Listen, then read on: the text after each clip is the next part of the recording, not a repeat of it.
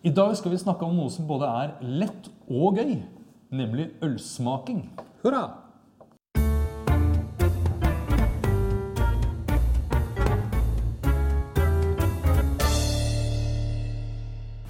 Vi er en vennegjeng som skal ha en uh, uhøytidelig ølsmaking hjemme.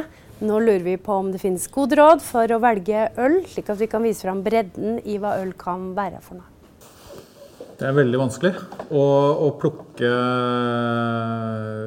noen få. Ja, men det for det er veldig gjøre, mye altså. spennende. Eh, Vi bør velge noe som eh, viser litt sånn forskjellige retninger. Da, hvor noe som ja, Noe søtt og noe syrlig og noe, noe midt imellom og noe fruktig. Og, ja. Noe mørkt, kanskje. Ja, fordi, mm. ja, fordi øl er jo laget av forskjellige ting. Malt og humle og gjær og sånt. Så kanskje vi skal liksom finne øl som viser litt forskjellige egenskaper knyttet til det. Det syns jeg høres ut som en veldig god måte å gjøre det på. Ja. Ja. Jeg har et forslag. Vi kan f.eks. begynne med et tysk hefeweisse, altså et, Ja. et eh, hvetøl. Det er i hvert fall en øltype som jeg har pleid å anbefale til de som ikke er så sånn bevandret i ølverden. Fordi eh, det er et lyst øl med ganske lite bitterhet. Og så er det kanskje da morsomt å vise et annet hvetøl som er helt annerledes etterpå. En eh, gøss. Ja, nettopp. Så Som, ja, god idé. Som eh, bare viser en, eh, altså, hva hvetøl også kan være. Ja. Men de, er, de to er jo veldig veldig forskjellige. Så hvis Ja. vi begynner med den tyske Hefeweisse Det er da eh, et øl som det er brukt eh, omtrent 50 malt fra hvete. Og resten er, resten er bygg. Ellers er bygg det vanlige når man eh, brygger øl. Ja. Det stemmer. Og I tillegg så bruker gjerne bryggeriene noen, øl, noen gjærtyper som gir en sånn tydelig fruktighet som minner om banan og nellik. Ja. Det jeg syns er, er interessant med det tyske hvetølet, er jo nettopp den fruktigheten eh, som stammer fra gjæringa. Ja. Eh, den fruktigheten, banan, nellik, gjerne også et lite sånn hint av noe røykaktig, Ja. kanskje, Ja. eh, kan uh, Syns jeg fungerer veldig bra sammen med altså den, den liksom leskende, friske følelsen du får fra hvete. Ja. Og så nevnte du da dette andre hveteølet, som du kalte for gøs. Gøs. Ja. Er det? Altså jeg, jeg, det er en personlig favoritt. Ja, det er eh, det er for meg, ja. Ja. Gøs er jeg fortell, glad i. fortell litt om gøs, Martin. Det som gjør gøs til et interessant øl, er eh, for det første at det er spontangjæret. Det, tror vi må, Altså? det må vi forklare litt, tror jeg. Ikke tilsatt gjær.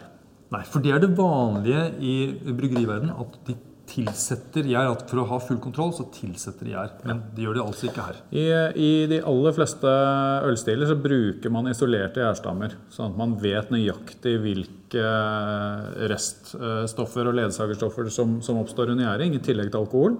Eh, under produksjon av surøl, gøs, eh, lambic, eh, kjært barn har mange navn, så er det nettopp den spontane gjæringen som eh, er det interessante. Ja. Og ikke minst at den gjæringen foregår på eikefat. Ja, på fat, Ja. Og det ølet, det blir veldig friskt. Ja. Ja, og det syns jeg er veldig veldig spennende. Og det, det er uvanlig for øl, tenker jeg, at øl er så friskt. Det blir nesten som hvitvin. Kan man si det? Champagne, nesten. Champagne, nesten. Ja. Ja, det har jo kullsyre til og med. Eh, Ja. tør, tør jeg foreslå et mørkt øl med eh, en del alkohol? Modig av dem. Ja. ja. eh, en Imperial Stout, for eksempel. Stout, ja. ja, det er fint. Ja. Eh, Det er jo et mørkt øl. Og hvor kommer den fargen fra? Den dagen jeg skjønte det, så ble jeg veldig glad. Den fargen er ikke tilsatt. Den eh, kommer fra eh, malt som er ristet eller varmebehandlet. Ja. Eh, litt på samme måte som når man rister eller brenner kaffebønner. Ja. Ja.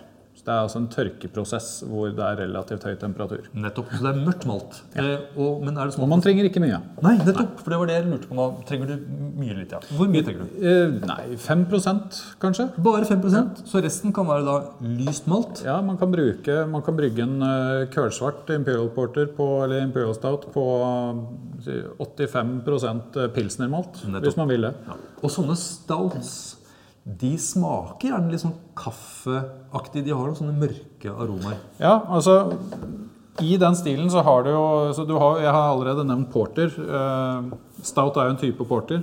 Eh, stout er gjerne en porter som har litt ristede aromaer, litt eh, kraftigere malt, maltsmak. Eh, og så snakker vi jo nå om Imperial, Ja. og det er jo rett og slett et, en indikasjon på at dette er en sterk stout. Nettopp. Så øl der det står Imperial, det er sterke øl. Ja, Så er sterkt. Imperial Stout betyr at det er sterkt og mørkt. Ja. Ja. Alle som har drukket uh, noe annet enn pils de siste åra, regner jeg med har hørt om India Pale Ale. Ja, ja var det akkurat skulle si. IPA. Ja. Ja. Eller hvis man snakker internasjonalsk, IPA. IPA. Yes. Når, når du sier IPA, så tenker jeg på humle. Ja, det er jo fornuftig av. Ja, fordi um, de bruker jo malt og gjær sånn for å lage IPA også, men det oser gjerne av sånn humlearoma som minner om kan være alt fra sånn fruktig til sånn furunål og blomst og kvae. Veldig, veldig mye lukt. Ja, det er eh, en ølstil hvor eh, bryggere over hele verden eh, på en måte har, har tenkt at her kan vi leke oss. Her er det fri flyt. Vi kan gjøre hva vi vil, og vi kan bruke så mye humle som overhodet mulig. Martin, skal vi ta et par spørsmål? La oss gjøre det. Ja. Spørsmål, spørsmål nummer én. Hvor viktig er formen på ølglasset? Ja, det er ikke viktig i det hele tatt. Nei. Eller så er det viktig. Uh, ja. ja. det må du forklare nærmere, tror jeg. Man må nesten bestemme seg litt sånn på forhånd, tenker jeg. For at hvis du skal ha Man kan jo tenke at, at uh, man må ha ett glass til hver type øl man prøver. At Ja. de belgiske skal ha én form, og så skal IPA ha en annen form. Eh, det er én innfallsvinkel. Ja. Eh, den andre er at du har et glass som har eh, hull oppå og ikke bunn. Ja, Eh, mm. Så du holder øl på plass? En slags sylinder. Oppbevaring. Ja. eh, som du drikker av. ja. Ja. Og så er det masse imellom, selvfølgelig, men jeg tenker jo litt enten-eller.